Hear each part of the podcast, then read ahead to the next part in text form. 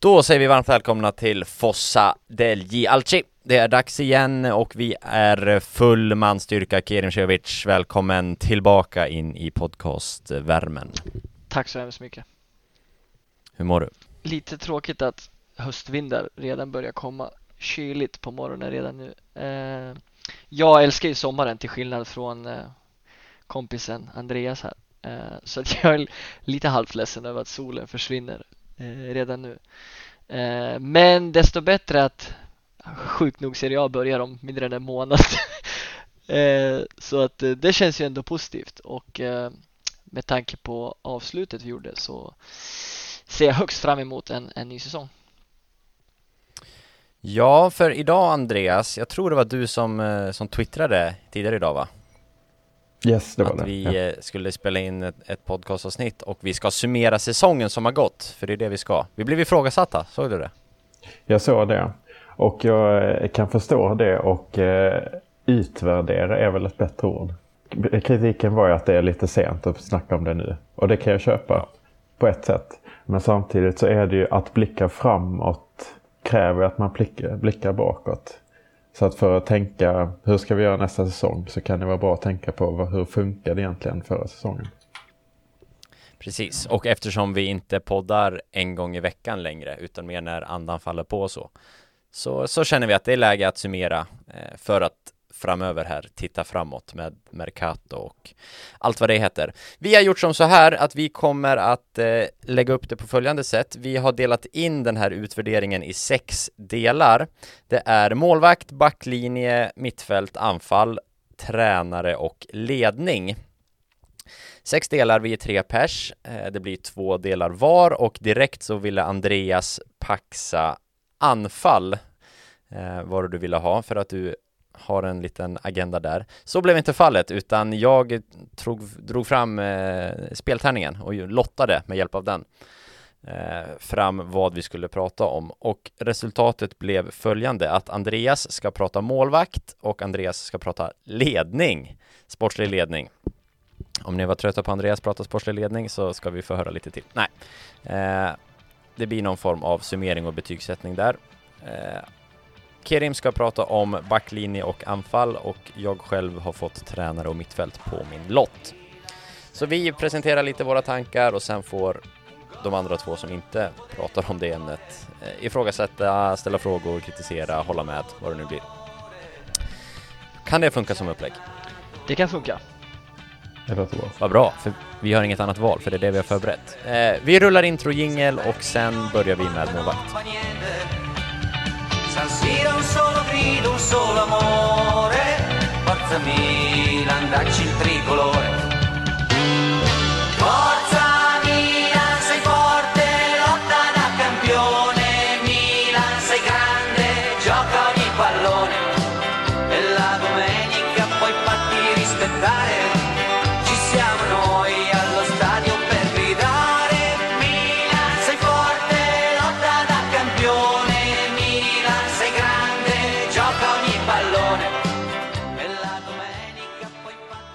Och jag tänker Andreas, du får inleda det här med din analys av målvaktssituationen i AC Milan 1920. Hur låter den?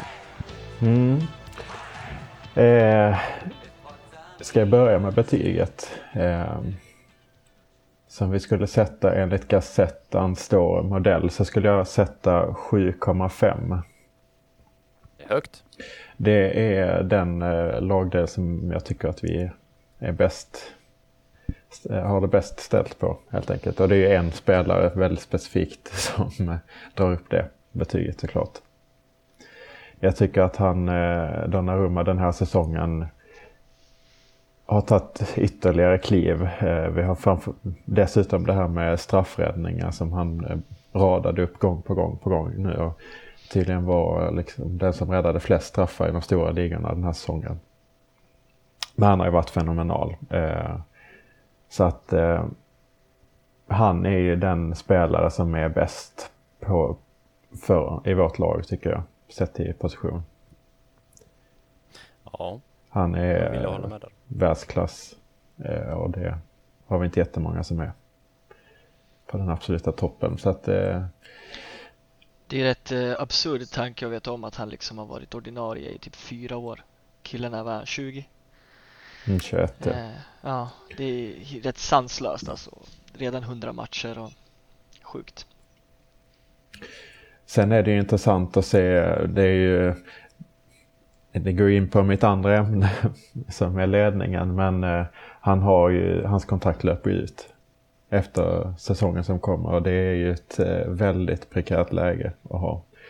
Eh, och kunna mista honom och dessutom eh, pengarna han skulle kunna inbringa. Så det känns ju sådär. Eh, det är ju en intressant eh, situation för det har varit lite om man ska gå in på de andra målvakterna så har vi ju Reina som har varit en väldigt glad prick och väldigt bra att ha som andra keeper om han själv accepterar det. Nu verkar han ju inte vilja det så därför skickas han iväg på lån efter halvtid Eh, den här, termi- eh, den här säsongen. Men eh, han gick ju till Milan sa han då med löftet att få spela. Eh, att man skulle skeppa iväg Donnarumma. Eh, har ju varit lite, jag vet inte om han sagt det helt rakt ut men jag har verkligen uppfattat det så. Eh, och sen så var när han då inte fick som, när det inte då inte blev så så eh, valde han att gå för speltid. Eh, Sen sa han samtidigt då också att eh, ja, men jag ses igen i sommar så då var jag, då var jag lite inne på, ja, okej men är det fortfarande öppet att Milan skulle kunna sälja Donnarumma? Jag, eh, ja, jag är inte helt säker på hur man förhåller sig till, till Donnarumma, om han är tänkt att stanna eller inte. Vill vi, vill vi ha pengar så är det ju därifrån. Eh, om man hade suttit på ett långt kontrakt.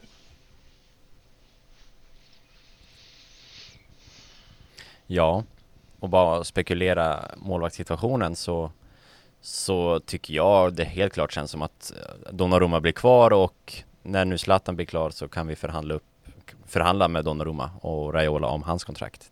Just nu, jag känner jag sitter lugnt i båten med Donnarumma just nu. Jag tycker det känns tryggt att han blir kvar faktiskt. Mest baserat på på någon form av magkänsla och de senaste tidens uttalningar här från, från Maldini. Jag läste idag när det gäller just målvaktssituationen är att Reina är ju eh, Lazio liksom eh, ditåt eh, och att man, eh, eller Milan eh, som det verkar nu rapporter liksom vill göra det man kan för att säkra eh, Asmir Begovic också. Så att han är kvar eh, kommande två år också. Eh, och tidigare har det ju skrivits ganska mycket om att Begovic är ju en, eh, en person som eh, har ganska bra ledaregenskaper och kan med sin liksom rutin och så vägleda yngre. Och om det är tänkt att nu är ju Donnarumma en mycket bättre målvakt än vad han är men, men det finns säkert mycket att lära där på den vägen så att om det är någon taktik att behålla honom för att han ska kunna få någon att kanske se upp till på något sätt. Eh, jag vet inte om det finns någonting där eh, men samtidigt också liksom att han kan använda sina ledaregenskaper på, på det övriga laget. Eh, jag trodde själv inte Begovic skulle, skulle vara kvar. Så det är ganska intressant att man vill, att man vill ha han på, på två år nu framöver om, om rapporten stämmer. Om jag hade fått välja hade jag hellre haft Reina om han hade accepterat rollen. För han är ju också en stor ledare och verkar vara väldigt en stämningshöjare i laget verkligen. Eh, med ett annat så såg man det från eh, när West Ham klarade sig kvar i Premier League och han festade loss i omklädningsrummet. Det var finare scener. Men... Aston, Aston Villa va? Aston Villa, förlåt.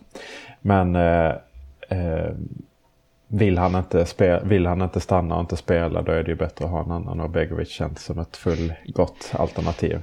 Ja, där är ju eh, Begovic egentligen en känns det som en total eh, motsvarighet liksom mm. Eh, till, till Reina. Han är betydligt mer seriös i sitt sätt att vara och driver vid sidan av fotbollen massvis med olika typer av eh, företag liksom och, och mycket Begovic är ju jättekonstig och tråkig att följa på sociala medier. Ja, extremt. Alltså, han gör lite reklam för sitt målvaktsföretag och ja, grejer. podd, rätt mycket välgörenhet också. Så, så, att han har ju han har ju sinnet någon annanstans än bara fotboll också. Så att det, och jag tror att han fullgott accepterar liksom att sitta, eh, sitta bänk i, i dagens Milan. Mm. Jag bara tänkte, Pepe Reina hade väl en lön på 3 miljoner euro Ja. per år. Det är riktigt saftigt för en Ja. andra målis.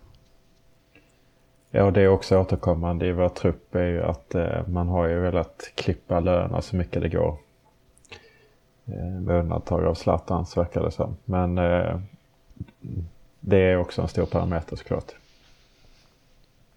Jag kan väl också säga det om Donnarumma att eh, jag är inte så pessimistisk att han inte kommer att stanna. Men eh, det, som, det enda som talar för det är ju Donnarumma själv. Han verkar ju vilja stanna. Eh, men det är ju, där är en Raiola där också som jag tycker är jobbig att ha att göra med. Ett intressant uttalande när de när Raiola fick frågor om Donnarumma och han sa det att vi har inte börjat prata än och jag vill inte uttala mig för det är ett så typ det är ett sånt jäkla känsligt ämne för, för Milanisti. Eh, Mm. så, så han backade ju där. Eh, förmodligen med en baktanke med det men ja. Färskt i minne. Yes. Ska vi hoppa vidare? Det kan vi göra och då eh, ett steg uppåt i banan. Då landar Mm. vi i eh, Nyköping. Ja, och i Milano. Eh, jag tänker att jag, jag kör som du Andreas och inleder med eh, betyget. Lite osäker men jag satte ändå en sjua eh, på defensiven i år. Eh, jag tycker ändå att vi har sett till spelare höjt eh, nivån. Eh, framförallt med kanske Theo Hernandez som har gjort det helt magiskt ute på vänsterkanten och, och är egentligen orubblig liksom nu. Eh, Sen har vi även en, en, en Kjär som har kommit in och gjort det väldigt bra faktiskt. Eh, otroligt imponerad över, över Cash liksom eh, sätt att vara, sätt att spela eh, bredvid Romagnoli som fortfarande är väldigt, väldigt ung. Måste man, eller väldigt ung är han väl inte, han är ung eh, och har många år framför sig. Så jag tror det finns mycket att lära där av, av, av Kjär för jag, jag ser han verkligen som, som en spelare som kan lära ut mycket. Eh, det jag egentligen kanske jag har svårt för, det vet ni också att jag har, men det är ju högerbacken. Jag, är ju, jag vill ju att vi får in någon ny där. Att det ska komma in en ny på högerbacken som ska spela.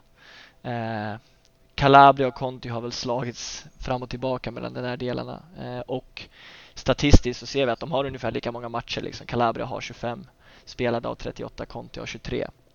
Eh, och det är inte så mycket som skiljer dem eh, statistiskt heller. Liksom. Calabria har vunnit 95 dueller, Conti 82. Eh, Calabria har två röda, eh, två gula, kontra har åtta gula. Eh, så att, så att det är de delarna också. Eh, men va, min poäng är liksom att jag tycker inte någon av dem är tillräckligt bra för att vi ska kunna ta steget vidare och utveckla, utveckla det här laget till, till nästa nivå. Utan jag tycker att vi behöver någon eh, på den positionen. Sen kanske inte det är absolut största prioritet att få in en högerback, men, men jag tycker det är av prioritet att göra det.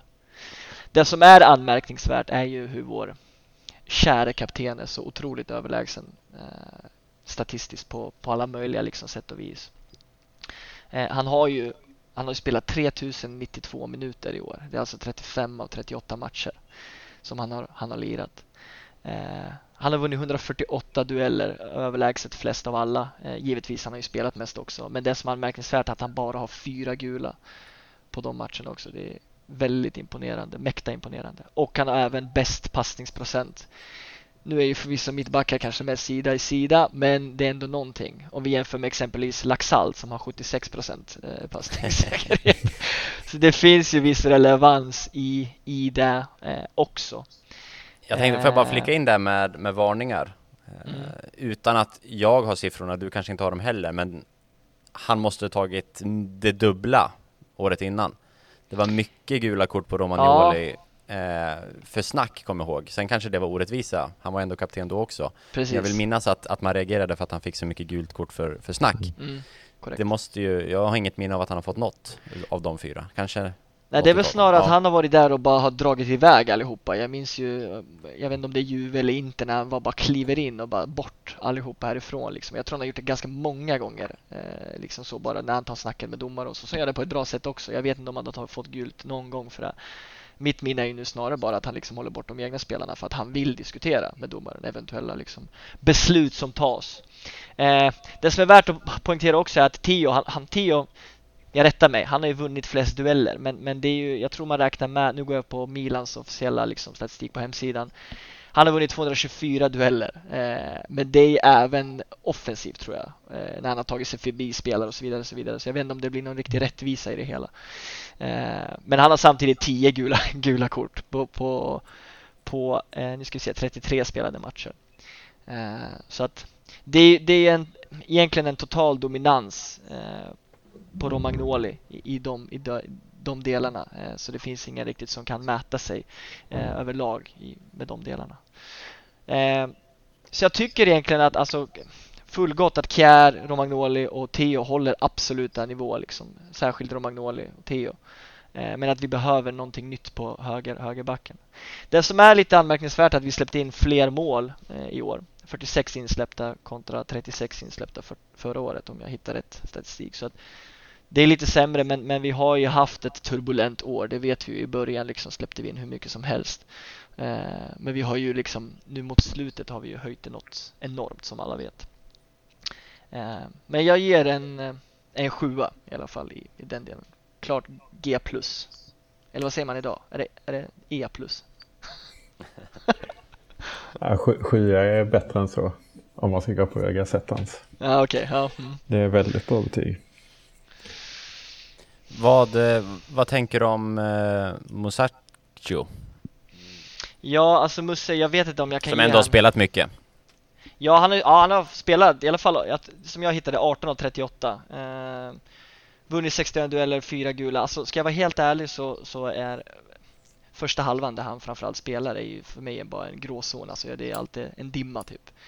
Så jag kan inte säga så otroligt mycket om Musse, men jag tycker ju eh, av det jag liksom helt och hållet minns av den här säsongen så tycker jag Kjär är bättre.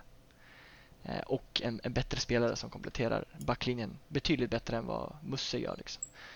Eh, så att jag, jag håller Kär före Musse alla dagar i veckan. Sen man kan ju lyfta liksom Gabi och Duarte men de har spelat så pass lite så det, det går inte att säga någonting så mycket om dem. Eh, men eh, jag tycker ändå nu senast när han har spelat eh, Gabia eh, att, att, att det har varit liksom så okej. Okay.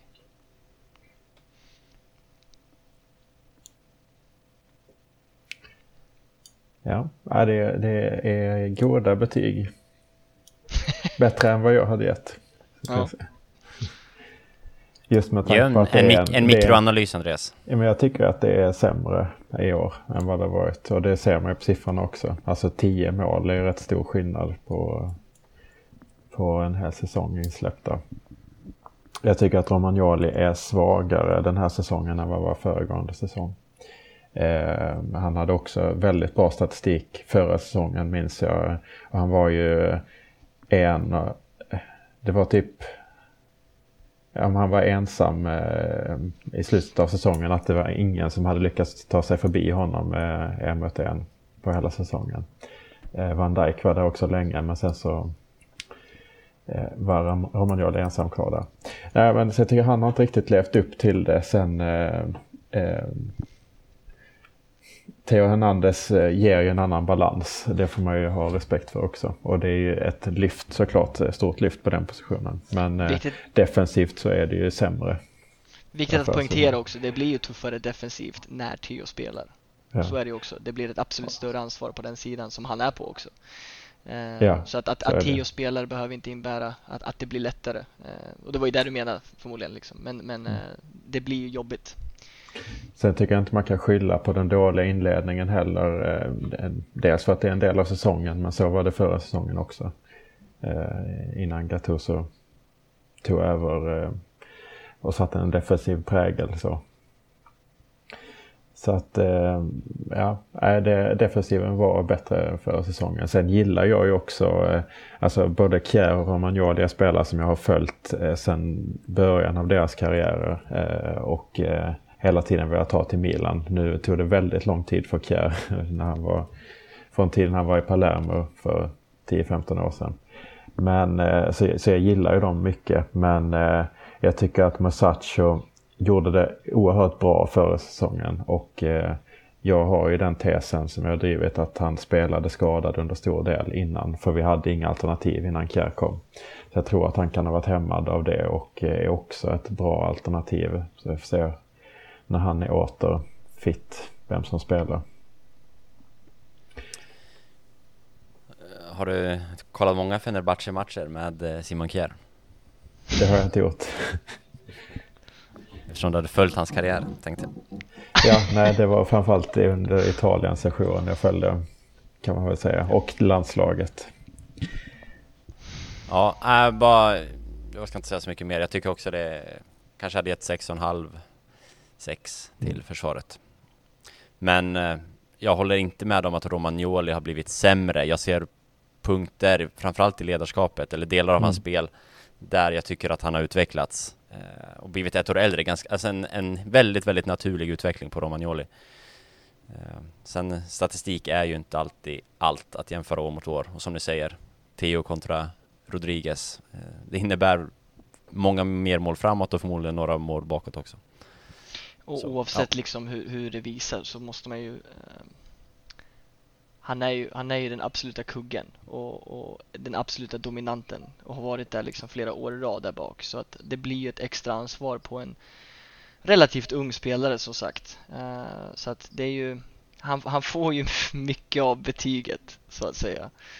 Eh, det blir ju naturligt så på något sätt. Milan, Milan, correva, più nessuno ti fermerà. Milan, Milan, mondo intero può conquistar. Vi går på mittfältet och där har jag fått eh, bestämma vad som ska sägas, initialt i alla fall.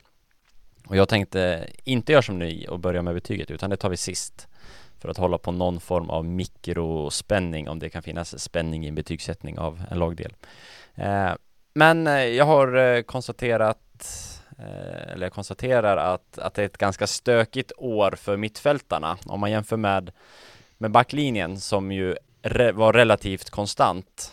Alltså det var samma fem, kanske sex spelare som spelade och de spelade hela tiden på sin position i alla fall. Så har vi ju haft ett mittfält som har förändrats otroligt mycket under den här säsongen. Eh, jag kollade på, på Gianpaulos eh, och Milans första match mot Udinese. Och jag testade det här med, med Kerim innan du kom in Andreas och innan vi började spela in. Men jag kan fråga dig Andreas. Eh, kommer du ihåg hur mittfältet formerades i premiärmatchen mot Udinese? Eh, nej, det gör jag inte. Men jag tror Benazer startade inte i början väl, utan det måste varit Bilja. Borini kan han ha spelat på centralt mittfält också. Eh, mm. Och då... Borini är rätt. Inte Bilja? Nej, ja, Bilja var skadad, i början. Skadad, mm. okej. Eh, och eh, Hackan spelade längre upp. Nej, kanske inte ja, i början, inte i början. Nej. nej. Nej, du är lite... Eh, jag tar det så här. Mm. Eh, från höger, vi hade såklart ett 3-1-2 första matchen. Mm. Eh, eftersom det var Gianpaulos sätt. Eh, från höger, eller till höger, höger Metsala Borini. Eh, sittande mittfältare, Hakan Calhanoglu. Just det, eh, just det. Vänster Metsala Paketa och framför där som trekvartista Suso som mm. spelade där. Eh, en match vi förlorade, en match som jag minns som otroligt dålig från, från alla förmodligen, men framförallt från mittfältet också. Eh, tyckte det var ganska tydligt att eh, Lucas Biglia var den nyckeln som, som Jim Paolo ville ha och ändå bygga mittfältet kring. Jag tror, tycker att vi ser det nu också när, eh, när Biglia ryktas ganska frekvent här till Torino, dit Jim Paolo har gått. Så det är en spelare som han uppskattar.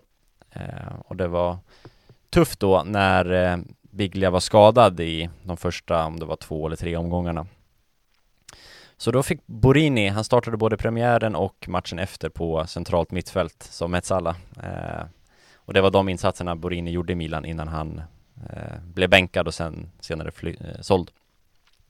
Eh, Kessi och Benazer spelade väldigt mycket, men de eh, var, kom från Afrikanska mästerskapen eh, förra sommaren, vilket gjorde att de inte var matchredo. Eh, och de var inte så bra på planen när de väl kom in. Kessie kom in i spelet ganska snabbt. Han var inte med första matchen men kom därefter, eh, men var inte speciellt bra i början.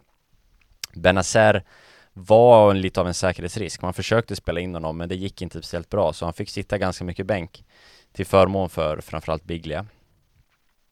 Eh, och sen fanns ju den här problematiken i vem som skulle spela trekvartista. Eh, det fanns, ja, nu är jag väl inne och tassar, för Suso kanske går, räknas till anfallet här men eh, Suso spelade där, vi hade Paketa som det pratades om, vi hade Hakan, vi hade Bonaventura, vi hade någonstans en Chalanoglu, eller en Castillejo som inte hade någon plats. Så det var ju ganska stökigt och, och Gianpaolo experimenterade ju.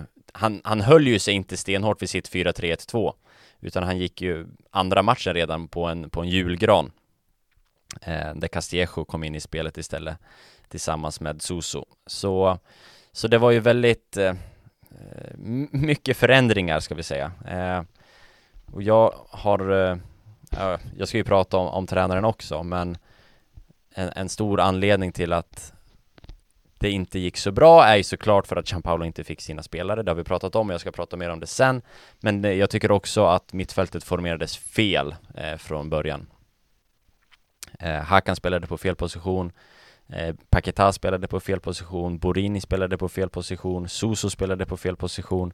Så det var väldigt mycket fel val eh, från Gianpaolo, vilket påverkade resultatet tror jag. Eh, Bonaventura fick inte spela på mittfältet förrän Eh, i Gianpaolos sista match och han kanske då är den enda naturliga Mezzalan på något vis. Möjligtvis med Paketa, men ja. Det var mycket stökigt, det var fel att bygga kring Biglia och det var Kessi och Benazer kom inte till sin rätt och så vidare och så vidare. Sen ändrade vi ganska mycket. Eh, när Nepioli kom så byggde man mer på Kessi och Benazer på ett tremannamittfält initialt. Eh, som kompletterades med någon av övriga mittfältare, det vill säga Paketa, eh, Krunic eller Biglia eh, och Bonaventura. Hakan flyttades ju upp i banan då.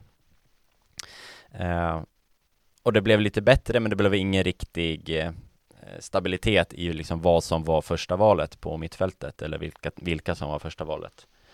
Eh, så stökigt och med 4-3-3 så kommer ju inte riktigt Benazer och Kessie till sin rätt, vilket vi har sett under slutdelen av säsongen när de spelade tillsammans i två mittfält. Det är där de kommer till sin rätt. Eh, sittande bakom en mer offensiv kraft, gärna då Chalanoglu.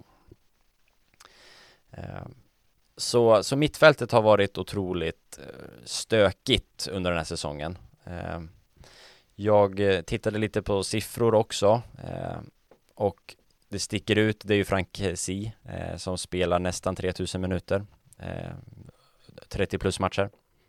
Gör också fyra baljor, Kessi, och han tog inte lika många straffar i år heller som han gjort tidigare. Så, så Kessi gör ju ett otroligt lyft under den här säsongen. Eh, Benazer spelar eh, 2500 minuter ungefär. Eh, och sätter dit en balja i sin, eh, i slutet va? Var det sista matchen? Eller var det näst sista? Ja, Eh, I övrigt så är det ganska spridda skurar. Hakan spelar såklart eh, mycket. Jag räknar Hakan till mittfältet. Eh, nio mål gör Hakan i ligaspelet. Och eh, fler assist. Nu har jag inte assistsiffrorna framför mig, men eh, Hakan gör en super, supersäsong. Hans bästa i Milan. Eh, sen är det ganska klent med vilka som har spelat. Det är liksom 500 minuter på Krunic, det är 600 minuter på Biglia, det är 500, nej 600 minuter på Selamäkers, Paketa, ja. Eh, så det är spridda skurar. Jag summerar det här i någon form av flopp och topp eh, i spelarväg då. Och flopp för mig är överlägset Lukas Paketa. Eh, jag tycker att han hade förväntningar på sig, vi har värvat honom dyrt, det här skulle bli hans säsong på något vis. Eh, och fick chansen från start, men tog den inte eh, och gör det otroligt dåligt när han väl spelar. Det är maximalt en eller två matcher som Paketa är bra. Det var någon här i slutet där han, där han var bra. Men nej, värdelös annars. Eh, kan man använda honom i en bytesaffär just nu så gör det, säger jag. Eh, och topp bästa spelaren är eh, Hakan Calhanoglu, ganska överlägset. Jag tycker han var bra redan, redan innan. Eh, coronan också, men efter coronan så är han ju magisk. Han är en av Europas bästa mittfältare på den positionen, tycker jag. Blev också bästa spelaren i Serie A här i juli. Och kanske gjorde årets mål också i frisparken. Med sjuka insatser mot Lecce gånger två och Torino i kuppen har jag tagit från minnesbanken. Drömmål hemma på San Siro och tre assist borta mot, mot Lecce. Och dubbla mål i kuppen mot Torino. Ja. Det var någon form av, av eh, min syn på mittfältet. Och då landar vi i ett betyg på 6,5. Mm. Får mittfältet som helhet. Men det är ganska svårt vad som, vad räknas som mittfält. Ska kantspelarna räknas och så vidare och så vidare. Så det var, fokuserade mest på de som spelar centralt. Jag, jag, Det var det. Ja, jag Tankar? villig, villig att hålla med i, i den bedömningen. För mig eh, så har ju någonstans sista delen av säsongen här post corona, eller post corona är det inte, men sen fotbollen kom igång eh, visat alltså enligt mig hur vi bör spela och vilka som bör spela och det tycker jag är Kessie, Benazer och Hackan framför i de, i de, de tre. Eh, det är de som gör det liksom framför allt. Eh, för där någonstans har vi sett den absolut högsta nivån och jag känner att även när vi när de är i sin lägsta nivå så har de gjort det väldigt bra. Eh, så min upplevelse är verkligen att de, de är eh, på något sätt cementerade. Mycket handlar ju såklart om vem vi kan få in nu. Eh, för det känns ju ändå som att nu upplever jag att det inte finns någon de konkurrerar mot ordentligt. Och i ett sånt här lag så känns det som att folk behöver konkurrens. Det får inte bli så att man blir bekväm i sin, i, i sin position och, och, liksom kan laja fram. Nu är de alla proffs såklart, men det är ju, det behövs ju ändå. Ja, ja, och det kommer bli skador och avstängningar och vi måste rotera. Visst, Alltså visst. de, de som är kvar nu, Biglia försvinner ju. Eh, men då, och Bonaventura, eh, som jag ska såklart hylla här, strax tänkte jag lite, men de försvinner. Och kvar är då Rade Krunic eh, och Lukas Paketa i princip. Tillsammans med några junisar. Eh, Rade. Kronic, världsstjärna. Ja.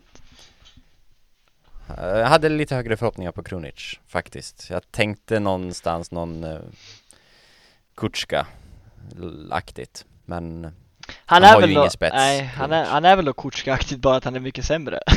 ja, Men det är precis. spelstilen typ. Han har ju inte imponerat så där jättemycket i Bosnien heller så. Mm. Jag tycker knappt han håller Milan reservklass alltså.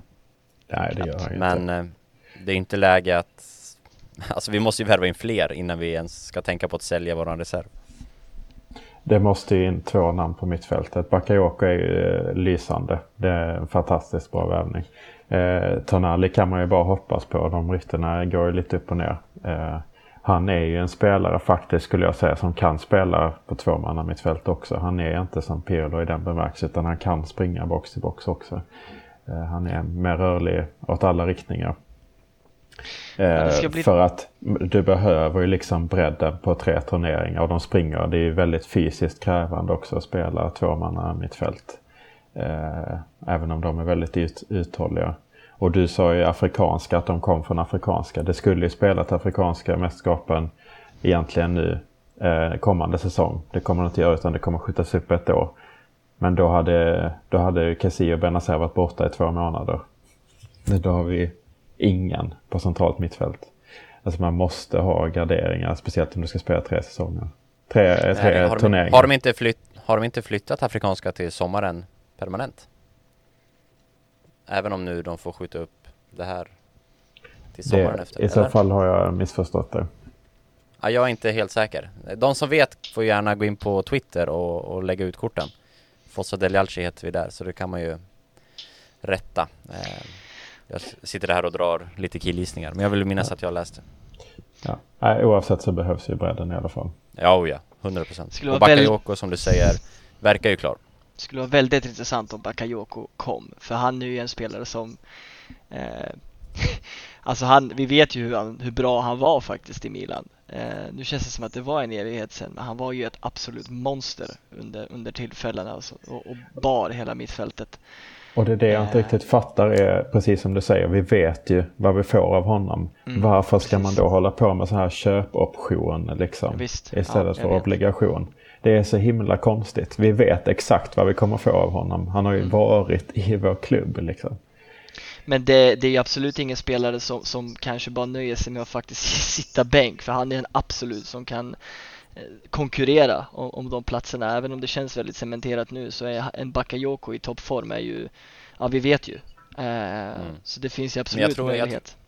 Jag, jag, tror inte det kommer, alltså som Andreas säger också, tre turneringar det kommer bli naturligt att alla tre får spela tror jag. Så är det Sen visst, när alla tre är friska och vi har ett glest schema, ja, då kommer någon få vila, men jag tror inte att, att alla tre kommer vara i toppform heller. Eh, Nej, men jag, säsong, liksom. jag Kessi, det... Kessis monsterform som han är i nu kommer inte hålla för evigt. Liksom. Och jag menar hela, alltså det är sam, anfallet är det ännu värre. Det är det, jag har ju ett jättestort problem med anfallet som, som ni vet. Men det är ju också att kunna förändra matchbild, alltså att kunna byta in Bakayoko eller Kessi efter 30, alltså med 30 minuter kvar. Det är ju liksom, man måste ju ha några sådana vapen. Vi har ju inte det. Eh, eh, det gör väldigt stor skillnad. Det är det Inter och Juventus kan göra till exempel. Byta in riktigt bra spelare. Mm. Precis, och mer så lär det bli i de bägge klubbarna. Ja, så det var min syn på mittfältet. Eh, mm. Kerim, du pillar mycket med eh, din tekniska utrustning, men den är fun fungerande eller? Den är helt fungerande, jag håller på att kolla hela tiden så min röst kommer med allt jag säger men eh, icke förberedd med batteri på diverse produkter som jag har så men det funkar. Det har inte varit, det har inte varit något avsnitt hittills så det har funkat ganska bra. Så, så uh, tar du det vidare med anfallet va? Eh, ja, då får väl jag också smyga lite med, med betyget helt enkelt. Eh, det har väl varit ganska stökigt där också. Eh, det vet vi framförallt kanske i början när vi hade en Mr Pistoliero som, som eh, kanske inte hade sin bästa tid i, i Milan. Jag är fortfarande lite ledsen faktiskt över, eh, över att det blev som det blev med eh, Piatek eh, och allt det här som hände. Eh, jag minns när de, alltså jag tror vi liksom, det blev ju man ögade ju de här, både Paketa och Piatek tycker jag. Alltså, jag minns, de, de hade en väldigt bra start båda två tillsammans. Eh, och det började genast läggas ut bilder där de jämförde med Kakao, Shevchenko och, och hit och dit. Eh, och det kan vi bara hålla oss undan med framöver. Jag tänker ofta på er DeCiglo-tröja med, där ni står. Jag vet inte vilka det är, det är ni två någon mer. Utanför San Siro. Flashbacks. Reza, Reza Mohammedi.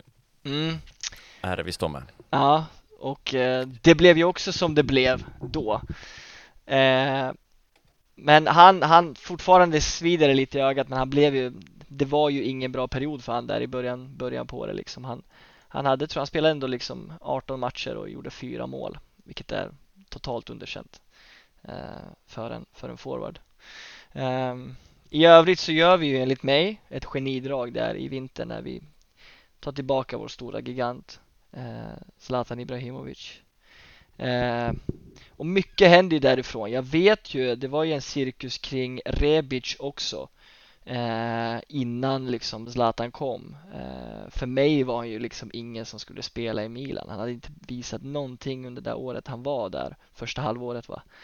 Eh, och det var redan då snack om att han inte ville vara kvar, att han skulle tillbaka hit och dit. Eh, men efter att Ibra kom så, så har ju han fullkomligt liksom exploderat. Och enligt mig är den absolut kanske eh, den spelare med högst spetsegenskaper just nu i, i Milan eh, när det gäller anfallet. Han kan göra det mesta, trolla, bolla, fixa, trixa eh, och, och, skapa chanser på ett, ett väldigt bra sätt. Eh, sen är ju såklart Zlatan en, en gigant men även jag även om det tar emot inser ju att det inte är någonstans en hållbar lösning utan utan han är ju där på sin sista liksom ride. Eh, gör det förvisso väldigt, väldigt bra enligt mig och tycker jag förtjänar en förlängning. Eh, men, men det är ju, det är ju framförallt Rebic som, som sticker ut i det här fallet. Jag själv skulle personligen velat önska att Leao får lite mer utrymme. Eh, och får spela lite mer. Han har ju förvisso spelat 31 av 38 matcher vilket är för mig helt sjukt men han har ju hoppat in inhopp. väldigt mycket. Mm. Ja, extremt mycket inhopp sista 10 minuter, liksom sista fem ibland. Eh, vilket jag tycker inte han är värd utan han bör kunna få spela lite mer. Eh, och jag känner att jag skulle vilja se mer av honom för jag tycker hans spetsegenskaper är också helt fantastiska. Men det är ju hans avslut bland annat och liksom framförallt eh, värderingarna i hur, när han ska släppa boll, vad han ska göra med den och sånt som, som behövs spetsas till ytterligare. Eh, sen tycker jag en sån som Samu, Nuden eh, har varit otroligt viktig i detta Milan. Alltså han har gjort det väldigt, väldigt bra. Hans arbetskapacitet är ju större än någon annans i, i vårt lag när det gäller på den offensiva delen. Han jobbar ju något ofantligt och kopiöst mycket. Eh, springer satan, så jag har faktiskt saknat han extremt, extremt. Eh, eh och jag blir liksom trött på salladsbaren, eh, Salamakers som, som spelar. Eh, så han har ju saknat sånt mycket men samtidigt så måste vi kolla lite till offensiva kvaliteter och där har ju han bara gjort tre mål i år eh, och tre assist.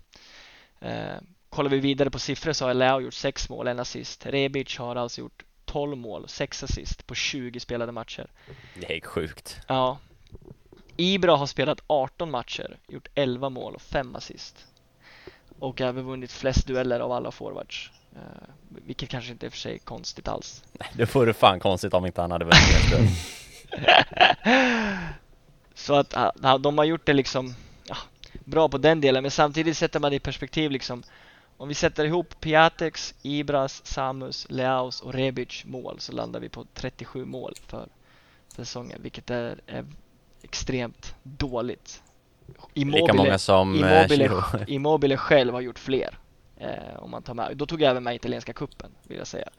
Så det är två turneringar vi pratar om. Och tar vi med Chiros på både Serie A och i kuppen så är det 39 stycken. Det vill säga fler än samtliga av våra.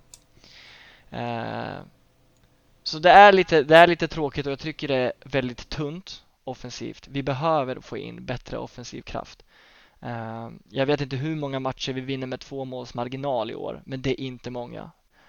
Ehm, det är väl mot slutet som vi liksom pangar in. Alltså när vi sätter, det är väl någon match vi vinner med 4-1 och jag minns ju inte sist när det var. Jag kommer ihåg att det florerade på Twitter liksom. Last time Milan won med bla bla bla var ju länge sedan liksom. Så vi är ju inte världsbäst på, på offensiv kraft. Eh, så jag velar liksom vad jag ska ge för betyg där eh, på offensiven men det är alltså någonstans 5,5 till 6.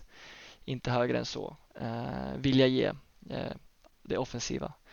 Jag vill ju liksom poängterar inte det tillräckligt. Jag tycker Zlatan har varit otroligt viktig för det här offensiva bygget liksom. Eh, och där han tillför som ledare, inte nödvändigtvis bara som spelare, även om statistiken hos han där också är imponerande. Eh, så räcker inte det utan det behövs, det behövs eh, större bredd som Andreas ofta säger också på forwardsposition. Zlatan kommer absolut inte kunna spela alla matcher nästa säsong. Det är 100 procent och vem ska då ta hans roll i ett sånt här system? Eh, så vi behöver en, en, en Jovic kanske hade varit fint. Eh, så oavsett behövs förstärkning eh, på, på, på anfallsposition. Ja, men det är det som jag tycker är den absolut, det, det är det viktigaste. Vi, vi, nu är vi alldeles för få numerärt på mittfältet men det är ju anfallspositionen. Zlatan kan inte spela alla matcher centralt och då har vi de här problemen. Visst, Rebic har gjort så många mål den här säsongen men han är ju, det är ju inte det han är primärt, en målgörare, utan han är väldigt mycket annat. Och eh, då är ju problemet när är Zlatan borta skadad så som han har varit också eh, under den här tiden. Då litar man på att Rebic ska spela eh, som någon slags falsk nia som, eh, som tränaren behövde hitta på istället för att den sportliga ledningen löste. Liksom. Eh, eller då Leao som också är väldigt oskarp.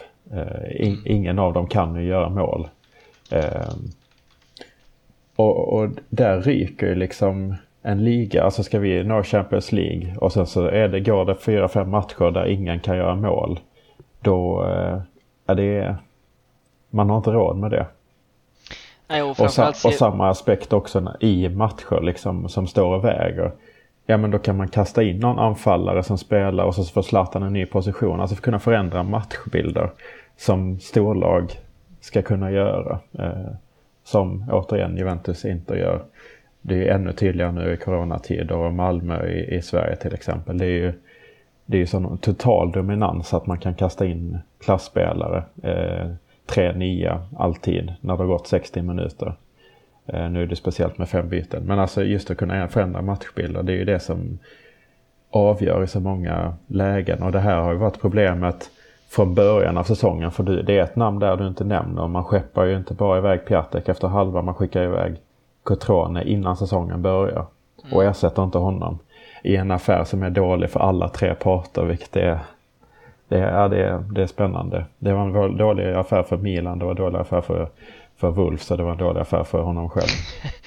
för han hade ju kunnat köpa och, och sitta på bänken och sen så blev inbytt liksom. Och det är alltid jävla massa energi. Springa varv runt Zlatan nu till exempel eller vad som helst.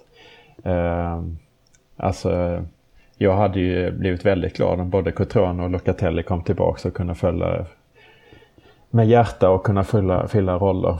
Eh, men någon behövs. Och det är väl, det är väl, det är väl bra med eh, spritt målskytt som det är lite i Milan kanske, men det behövs. Ska man vara ett topplag så behöver du spelare som gör mycket mål där uppe. Det är så är det. Det behövs minst en som gör liksom 20 plus för att liksom verkligen vara där uppe. Vi har liksom Chiro i Lazio, Cristiano i Juve, Lukaku i, i Inter.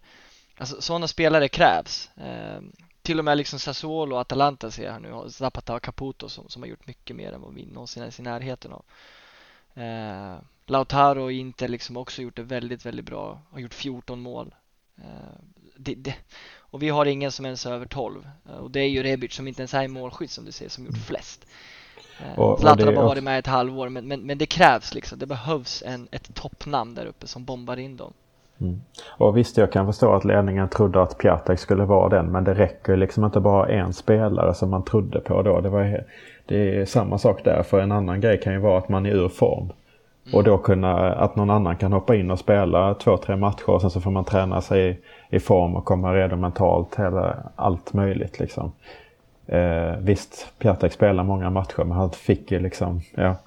Och det lossnar inte och det är för dåligt såklart. Men eh, att det inte finns något alternativ, det är för dåligt. Och det är en ja. av de stora problemen jag har med den sportsliga ledningen. Jag vill bara slänga in där att vi hade en André Silva som fanns med de tre första matcherna i mm. den här säsongen. Mm. Rebic var inte med från start utan det bytet skedde precis i slutet på Mercato. Eh, så säsongen drog faktiskt igång med Leao, Silva, Piontek i anfallet. Och typ Borini.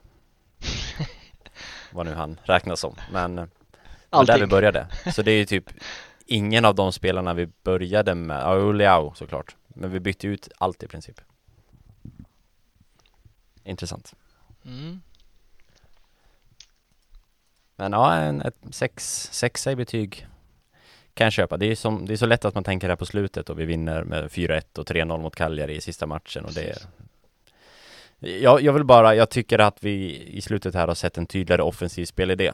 Eh, mm. Det som man hade hoppats på med Gianpaolo, som aldrig kom, men som tycker man såg det sista tredjedelen här av säsongen, eller sista fjärdedelen kanske. Men där var också, det här går in i tränare kanske i och för sig, men alltså det var, mm. vad, hade, vad hade han för chans? Alltså han tränade 4-3-1-2 hela försäsongen. Och sen så bara dessutom så skickade den sportsliga ledningen iväg Silva som också är en, den enda som kan spela 4-3-1-2. Alltså han har ju ingen chans. Och sen så går det en match, då måste han ändra spelsystem. Det är, jag, jag, tror, jag tror man kommer se det i Torino eh, också att eh, det är ingen dålig tränare om man får sitt material. Eh, så att lasta honom för spelidén blir också felriktad kritik tycker jag. Men nu har vi gått in det, till ditt ämne. Ja, det är en jättesnygg eh, brygga du gör till mig. Eh, för vi är inne på det.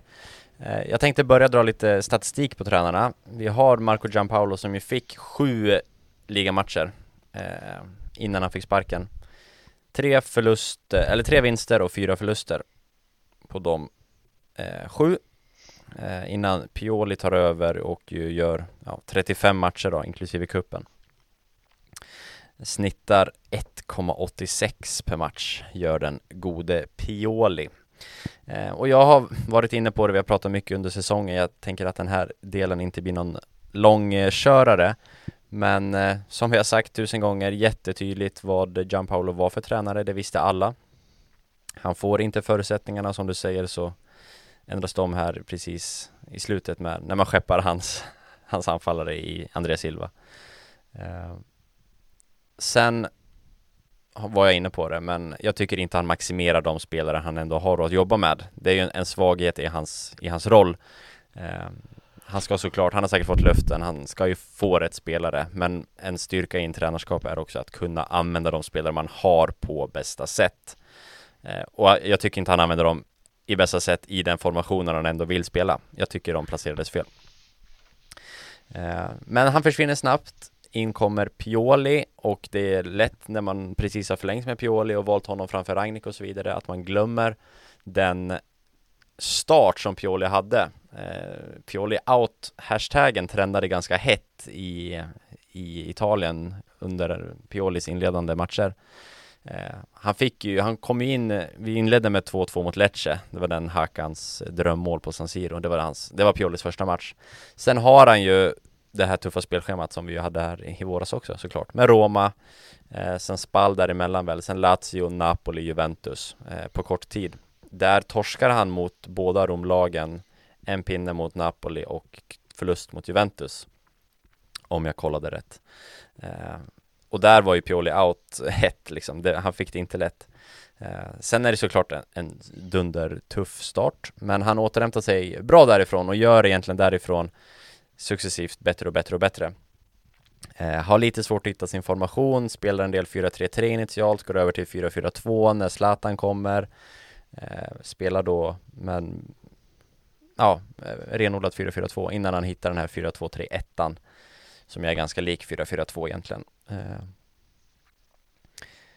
Och ja, eh, Pioli som, som människa och Pioli efter coronan har vi hyllat. Eh, jag anser att, att, corona, eller att Piolis ledarskap, eh, medmänsklighet eh, har ganska stor betydelse i hur Milan agerade som lag och höll ihop under eh, uppehållet. Men det har vi pratat om tidigare, jag tänkte inte gå in på det. Men eh, Pioli gör en, överlag en väldigt bra säsong, tycker jag. Eh, nu blir det intressant framöver, eh, om det är rätt val i det långa loppet. Men det får vi ju anledning att prata om senare.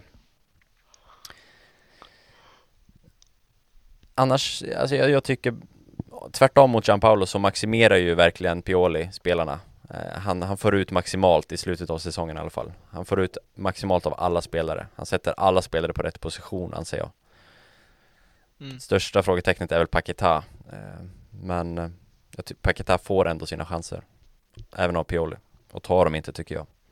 Sen kanske Paketa vill spela som trekvartista, jag vet inte. Men, ja.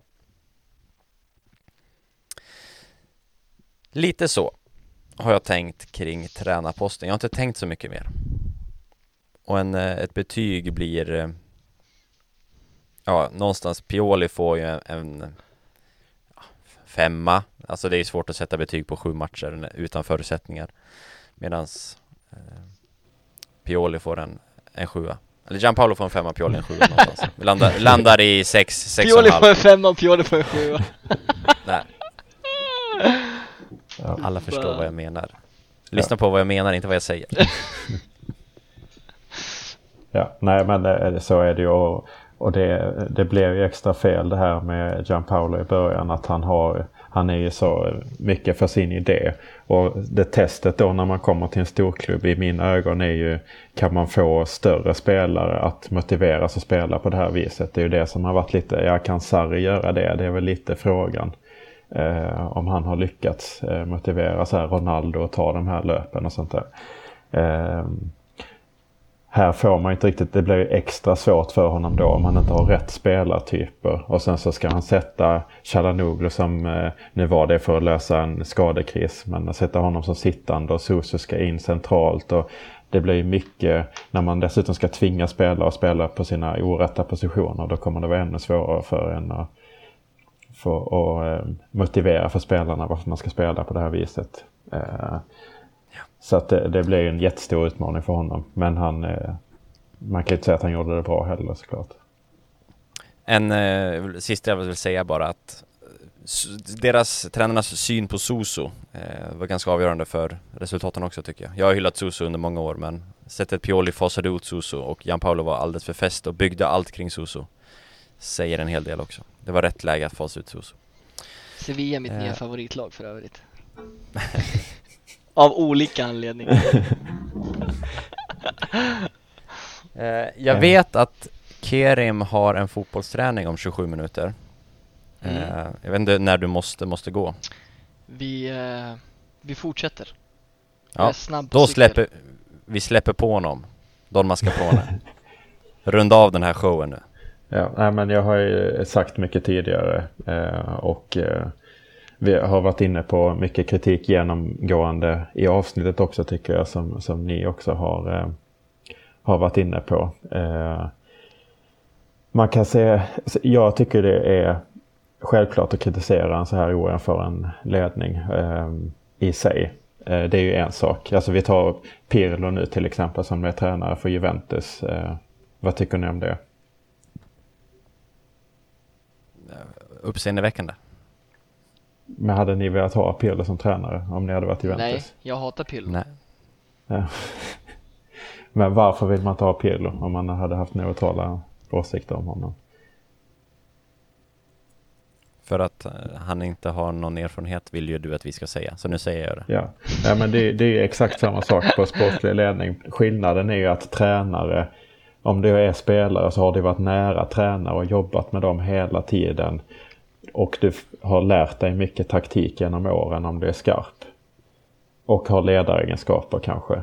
Det är ju sådana fördelar som man kan ha som tränare till spelare. Men att gå till direktör där dina uppgifter är att sitta vid ett skrivbord, ha kontakter med massa olika människor utanför klubben, sköta en organisation, göra för, sköta förhandlingar.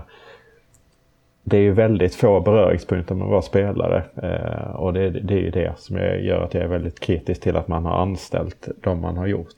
Eh, så.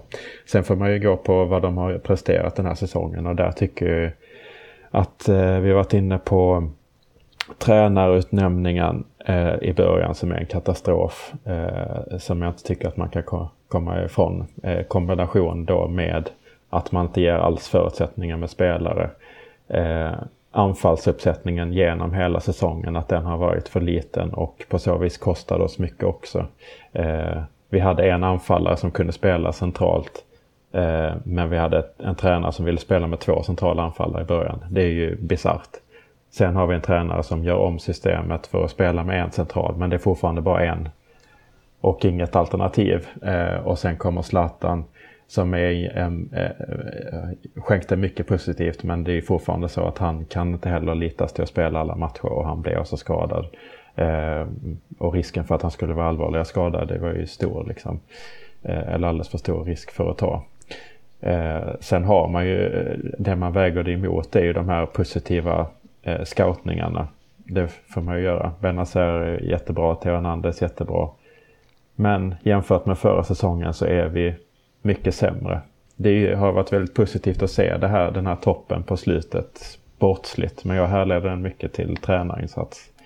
Eh, eh, och eh, det är ju fortfarande så att vi var Alltså vi var ju uträknade från Champions League när halva säsongen hade gått. Om inte tidigare. Förra säsongen var vi, hade vi Champions League fram till sista omgången. Eh, och eh, de har haft möjlighet att förstärka truppen. Med de här bra grejerna som vi har förstärkt så är det ändå ett mycket, mycket sämre sportsligt utfall. Så att eh, det får man ju kritisera. Och hur man hanterade det har inte bara med sportsliga ledningen med hela den här Ralf eh, eh, Ragnarök situationen så eh, eh, så eh,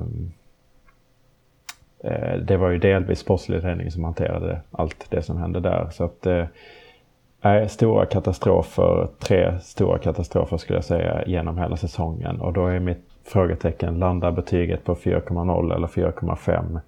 Det är i alla fall den sämsta sportliga ledning som har suttit under tiden jag har följt Milan. Mm. Ord och inga visor. Men ändå bra scoutning så att jag landar på 4,5 då. Det väger Ja. upp. Men eh, jag tycker att helheten är det viktigaste och det är den man har förlorat i. Ja. Jag eh, har inte så mycket att tillägga. Vi har pratat om det här tillräckligt. Eh, jag tycker att sprickorna i den ledningen vi har har varit väldigt, väldigt jobbiga som supporter att, att följa. Där det ska vara tryggt och säkert och stabilt har det blåst med Boban som lämnar i eh, ilska med Gazidis som inte pratade med någon på ett tag. Eh, Maldini och Massara och, och Boban var ju ovänner med Gazidis. Eh, satt långt ifrån varandra på läktaren, fanns inte på Milanello samtidigt. Sånt skickar ju inga bra signaler. Nu är de kompisar igen, tydligen. Så det ska bli intressant att se om de har begravt den här stridsyxan eller om de eh, om det är en fasad. Den ser jag fram emot här under sommaren och eh, starten på säsongen och, och bevaka. Helt klart. Sen håller jag inte riktigt med om, om 4,5. Jag tycker inte det är så dåligt. Men ja, vi har varit inne på det förr. Ja, det är väl ändå första eh, året som Milan är sämre sen eh, vi fick mycket pengar.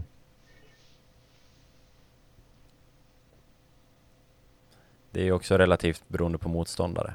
Jag eh, kan ju läsa det som att Lazio är bättre än någonsin, inte är bättre än någonsin. Atalanta, om inte bättre, jo de är fan bättre än förra året också. Juventus gör det sämre men de är ändå mycket, mycket bättre än Milan. Det, det stora underbetyget är att vi handlar under lag som eh, Roma och Lazio tycker jag. Men Lazio gör det jättebra. Men de har ju inte förstärkt truppen jämfört med förra året. Vilket kan ju sen, vara en styrka. Sen presterar de ju såklart bättre.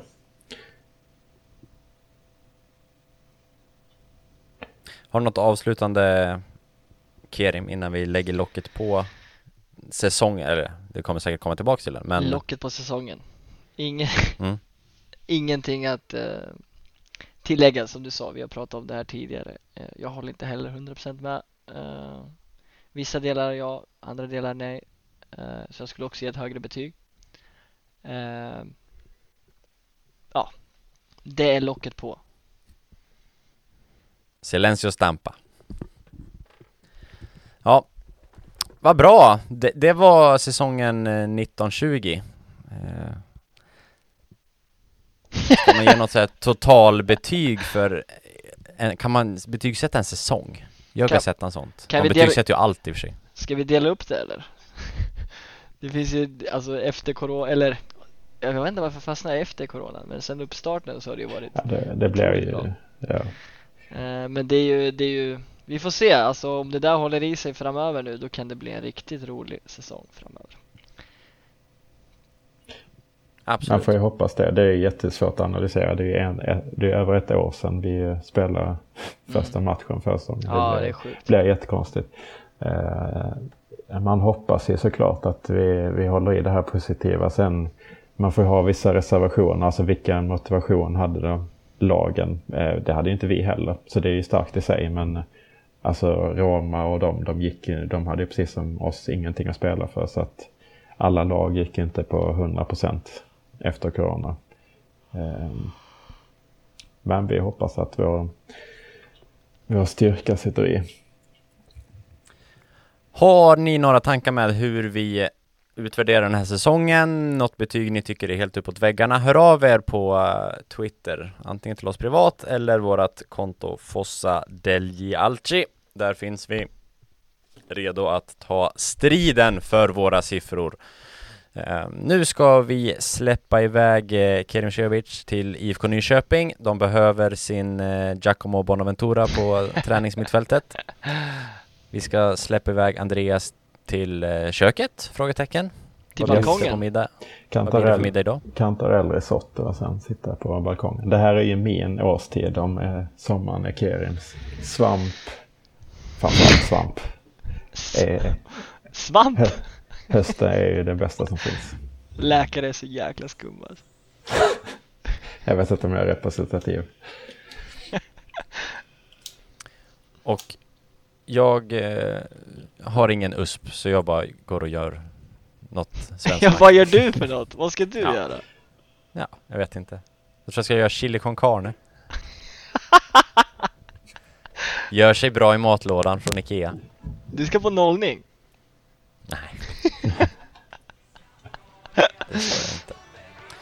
Tack för att ni har lyssnat, damer och herrar. Eh, så hörs vi nästa gång vi hörs. Då pratar vi nog lite Mercato. Ciao. Ciao. Ciao.